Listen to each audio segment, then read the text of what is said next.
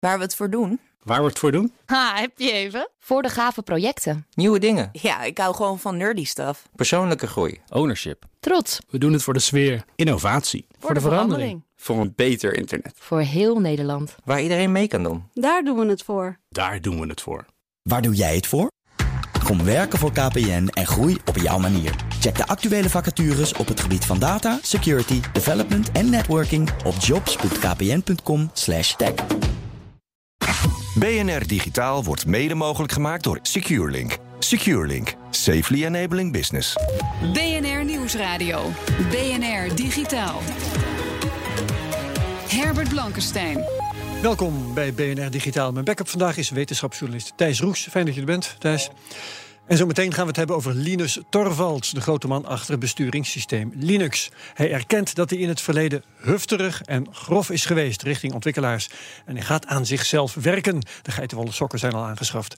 We praten over Linus, over Linux, maar ook over andere prominente tech-topmannen. Ja, het zijn vaak mannen en het zijn vaak niet de makkelijkste. Maar eerst. Het Tech Kompas. Onze wekelijkse rubriek, waarin mijn backup vandaag dus Thijs Roes, redacteur Ivan Verrips en ik een actuele ontwikkeling in de techwereld bespreken en daar een oordeel over geven. Ivan, we maken een uitstapje naar de ruimtevaart. Waar gaat het over?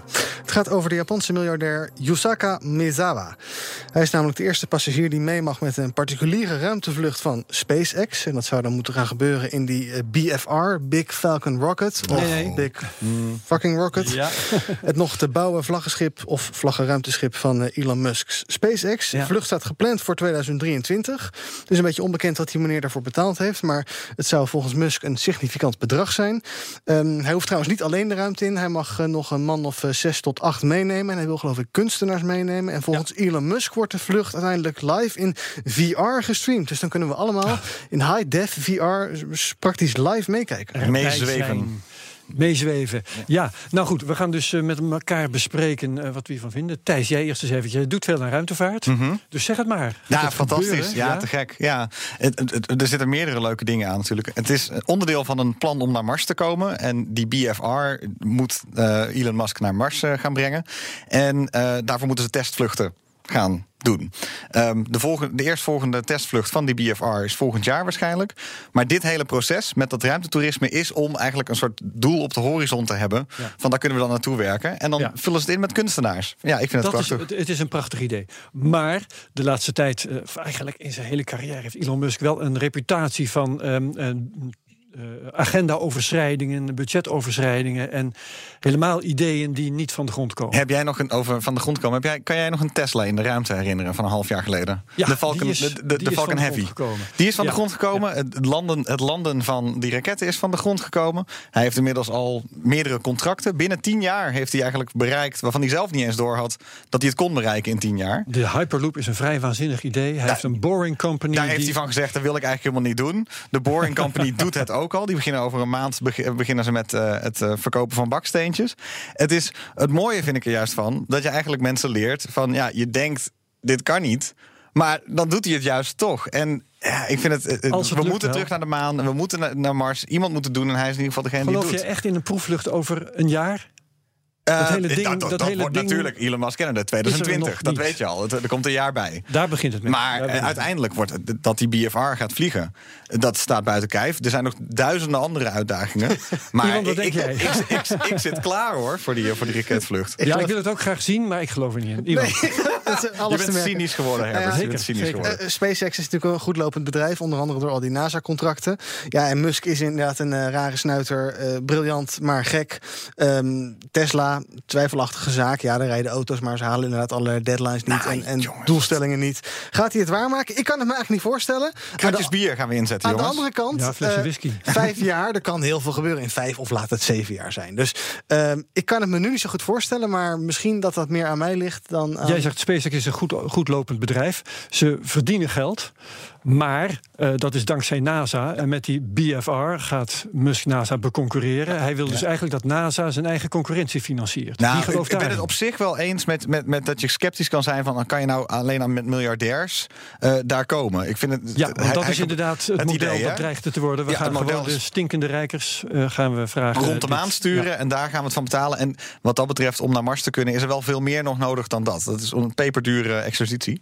Dus ik denk een beetje sceptisch aan de randen, oké. maar in, in wezen is het, is, het, is het een goed plan. Het rondje. Iwan, gaat het gebeuren?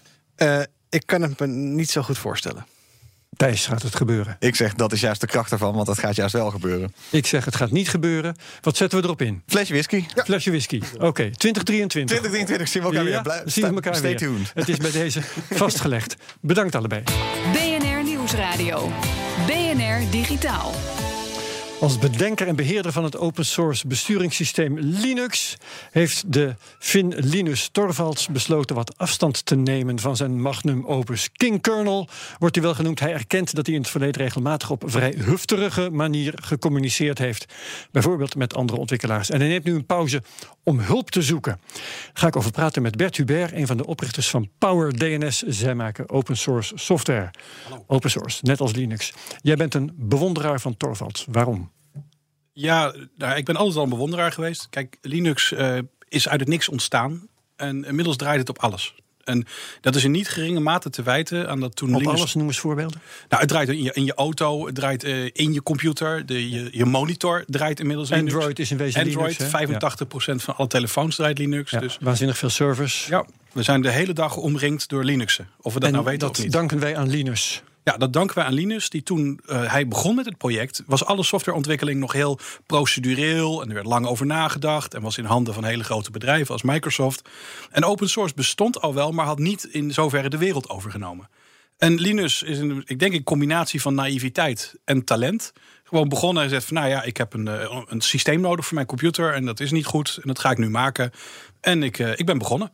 Wat heeft het zo succesvol gemaakt? Is dat inderdaad de man of zijn dat andere factoren? Het is een combinatie van de man, die een, een radicale vorm van openheid, maar ook pragmatisme had. Dus Openheid hoor ik je zeggen. Eh, Hoort daar ook bij iemand zijn vet geven? ja, dat, in dit geval, kijk, de achtergrond is wel, Linus Torvalds is, komt uit Finland. En Nederlanders staan internationaal bekend om hun directheid. Maar Finnen zijn totale wereldkampioen. Is dat zo?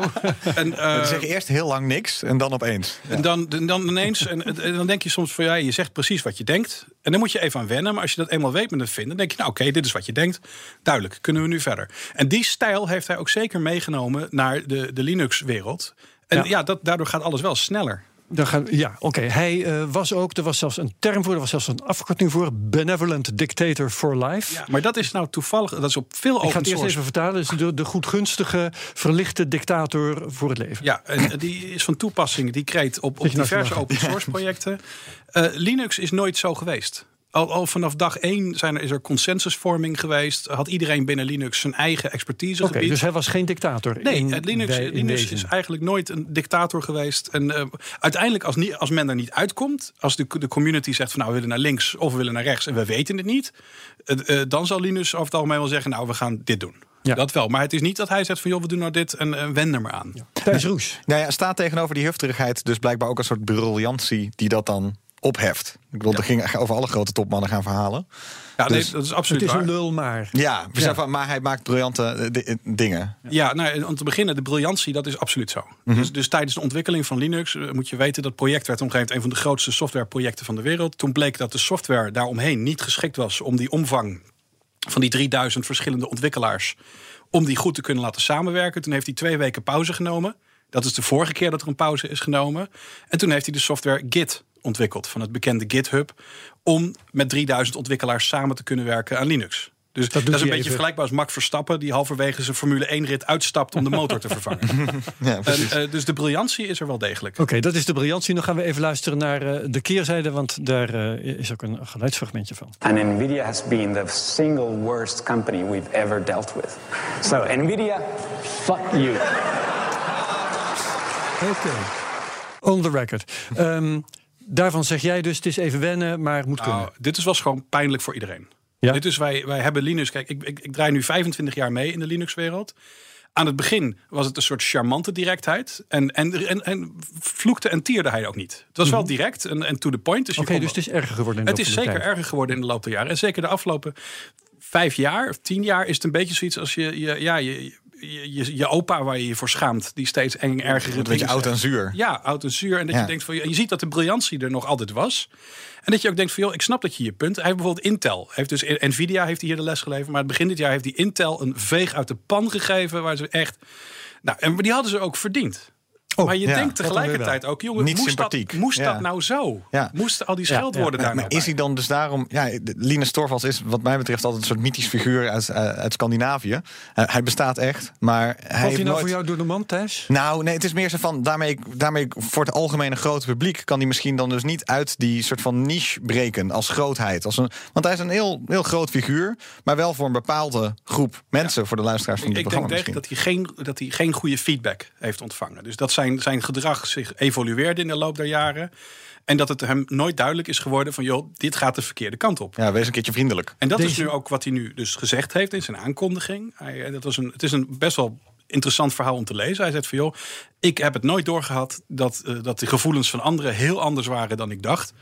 En, en daarom heb ik allemaal vreselijke dingen gezegd. Hij heeft een beetje spijt nu. Hij heeft absoluut spijt. Gaat dit gevolgen hebben voor Linux? Ja, maar ik ben er eigenlijk iedereen in mijn omgeving. Ik heb naar, even breed rondgevraagd. Iedereen is echt dolblij.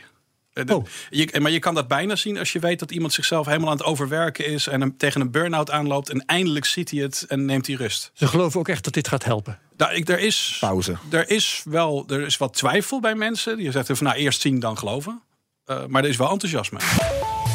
Torvalds is niet het enige tech-icoon dat berucht is om zijn gedrag. Denk aan Steve Jobs, Bill Gates, misschien ook wel Elon Musk. Wat is er eigenlijk precies met die mensen aan de hand? Dat hoor je zo. BNR Nieuwsradio. BNR Digitaal. En we praten over prominente leiders in de technologiewereld... naar aanleiding van het tijdelijke vertrek van Linus Torvalds... aan de top van het besturingssysteem dat hij 27 jaar geleden bedacht. Linux. Open source deskundige Bert Hubert is hier. Hij is van PowerDNS. Mijn backup is Thijs Roes. En we gaan nu even spreken met Mark Vernooy... partner bij Think, deskundig in creatief leiderschap. Goeiedag. Goedemiddag. Linus Torvalds die ziet dus in dat hij aan zijn persoonlijkheid moet werken. Over mensen als Steve Jobs en Bill Gates gaan ook verhalen dat ze behoorlijke eikels konden zijn. Ehm, word je dat van macht of krijg je pas macht als je eh, een eikel bent? Ja, ik denk dat het meer gaat over een selectiebias. De mensen die hier komen, de mensen die dit, die dit halen, die hebben be- bepaalde eigenschappen. Als je nadenkt bijvoorbeeld over het hebben van zo'n sterke visie.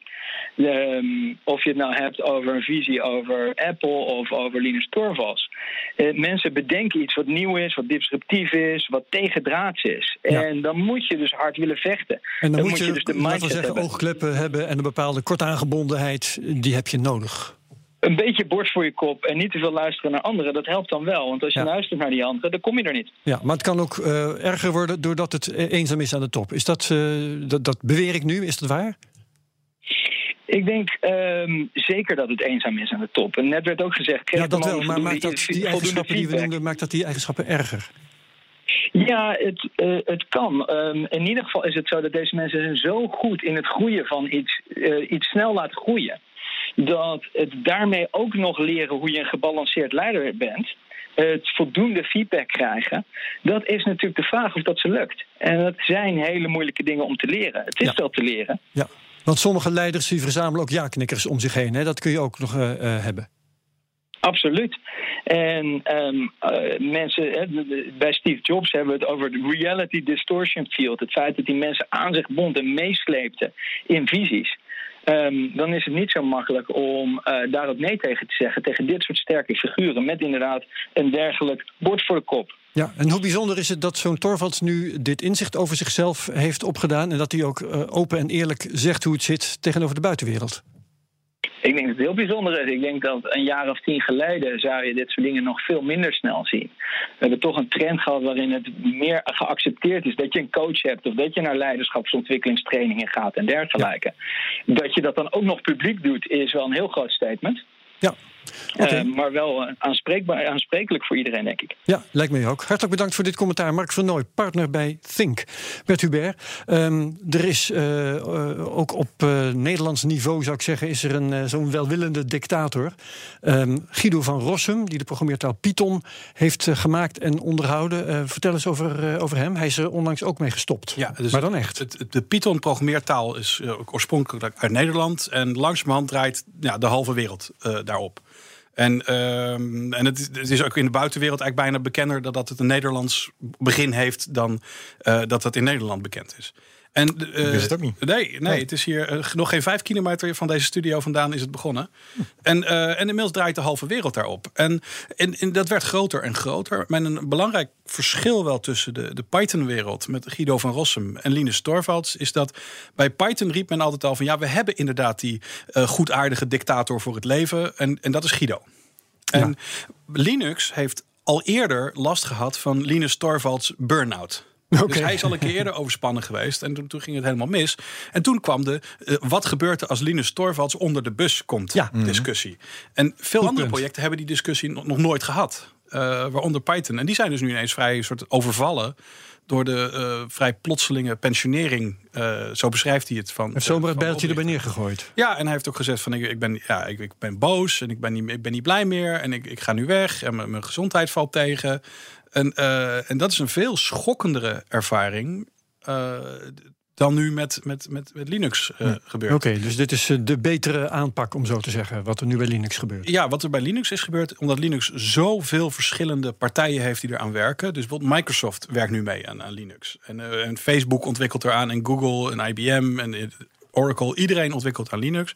En daardoor is er een hele hiërarchie van ontwikkelaars ontstaan. die ieder hun eigen gebiedje hebben. en dan weer rapporteren aan, aan Linus. Ja. ja, en dat is dus in principe, als het zo wordt overgenomen door andere mensen, misschien dat hij ook tegen een soort plafond aan begon te lopen, want hij eigenlijk nog als benevolent dictator kon. Ja, het lijkt alsof die macht ook enorm verspreid is. Ja, nou, kijk, dat, dat in, binnen Linux is die macht wel degelijk heel erg verspreid. En er zit ook een vertrouwensbasis. Bijvoorbeeld de netwerkelementen, dus hoe, hoe het internet gerouteerd wordt. Daar is een subsysteembeheerder binnen Linux en die kan eigenlijk alles zelf doen. Hm. Want Linus die weet van, ja, als, als Dave dat zegt, dan is het goed. Dus daar ga ik me niet over, over, over wakker liggen. Toch ook heftig dat de halve wereld erop draait. Nou, daar schrik je ook regelmatig ja. aan. Als je dan denkt van ja, want die mensen zitten in hun, vaak in hun keldertje dat een beetje te ontwikkelen. Gaan we Linus terugzien? ik denk zeker dat we Linus terug gaan zien. En ik, ik heb ook wel vertrouwen dat hij uh, slim en knap genoeg is dat hij ook beter terug gaat komen. Oké, okay, fantastisch. Dankjewel. Bert Hubert van Power DNS. Bedankt ook alvast uh, Thijs Roes, mijn backup. Goed dat je er was. BNR Nieuwsradio. Herbert Blankenstein. Memes zijn niet meer weg te denken van het internet. Maar waar komen die memes eigenlijk vandaan? Redacteur Ivan Verrips bekeek een YouTube-filmpje van Casually Explained... dat die vraag heel aardig beantwoordt. And while memes were originally described as an element of culture passed from one individual to another by non genetic means, if we look now at their contemporary use, I think it would be much more accurate to define them as an element of culture passed from one individual to another through the internet. The last part being redundant because if you're passing memes to someone, you're obviously not going to be passing anything on to them genetically. Voor de allereerste meme moeten we zo'n 35 jaar terug. Which was lead speak. And this was when people swapped letters for numbers when they were typing because digital pictures literally hadn't been invented yet and there was nothing else to do. Rond de eeuwwisseling kwamen de eerste plaatjes memes. They were usually just screen caps from video games or online videos like Do a Barrel Roll from Star Fox 64, The Hamster Dance, and eventually the All Your Baser Belong to Us meme from the terribly translated game Zero Wing. And you might be thinking, well, how are these even used? This isn't an awkward and relatable social situation I can tag my friends with on Instagram. And the thing is, back in those days, none of us had any friends, so we would simply repeat the meme out loud in elementary school or post them in response to Yahoo Answers threads without context. En toen kregen we bezoekerstellers en de share buttons. We saw the moment that sprouted the still persistent idea in everyone's mind, which was if I create a shitty meme, maybe I can get some imaginary points on the internet. And while most rational people would see that as incredibly stupid and rightfully not want to be around you, how many subscribers do you think they have? Websites als 4chan en Reddit hebben ook enorm geholpen. Bijvoorbeeld met de Rage Comic Faces, Trollface, Why You Know, Me Gusta, Forever Alone. En je kreeg plaatjes met teksten eroverheen. En de volgende stap, me IRL memes. which are supposed to represent the author or me in real life. These are memes of a self deprecating, ironic nature that highlight the complete normality of everyday life by either exaggerating the pride of very mundane accomplishments, depicting an inability to function in what's considered a very normal situation, or both in the form of Wednesday Frog. En er zijn nog vele andere vormen memes met dieren, de denk-memes. Anime memes, Despacito memes, Shrek memes, B movie memes, Scooby Doo memes, SpongeBob memes, black people Twitter memes, white people Twitter memes, insane people Facebook memes, Mad Lad memes, That Happened memes, porn memes, Toy Story memes, Thanos Ja, memes, ja, ja. Where Did the Soda enzovoort, Go et cetera. Meer weten over de geschiedenis van memes of over de levenscyclus van een meme. Het hele filmpje van Casually Explained vind je zometeen op bnr.nl slash digitaal. En dit was het dan echt. Eh, we horen graag wat je van BNR Digitaal vindt. Vragen, klachten en vooral complimenten kunnen naar digitaal.bnr.nl of naar @bnrtech op Twitter. BNR Digitaal terugluisteren kan via de site, de app, iTunes of Spotify. En wat ons betreft, tot volgende week. BNR Digitaal wordt mede mogelijk gemaakt door SecureLink. SecureLink. Safely enabling business. Ook Bas van Werven vind je in de BNR-app. Ja, je kunt live naar mij en Iwan luisteren tijdens de ochtendspits. Je krijgt een melding van Breaking News. En niet alleen onze podcast Ochtendnieuws, maar alle BNR-podcasts vind je in de app. Download nu de gratis BNR-app en blijf scherp.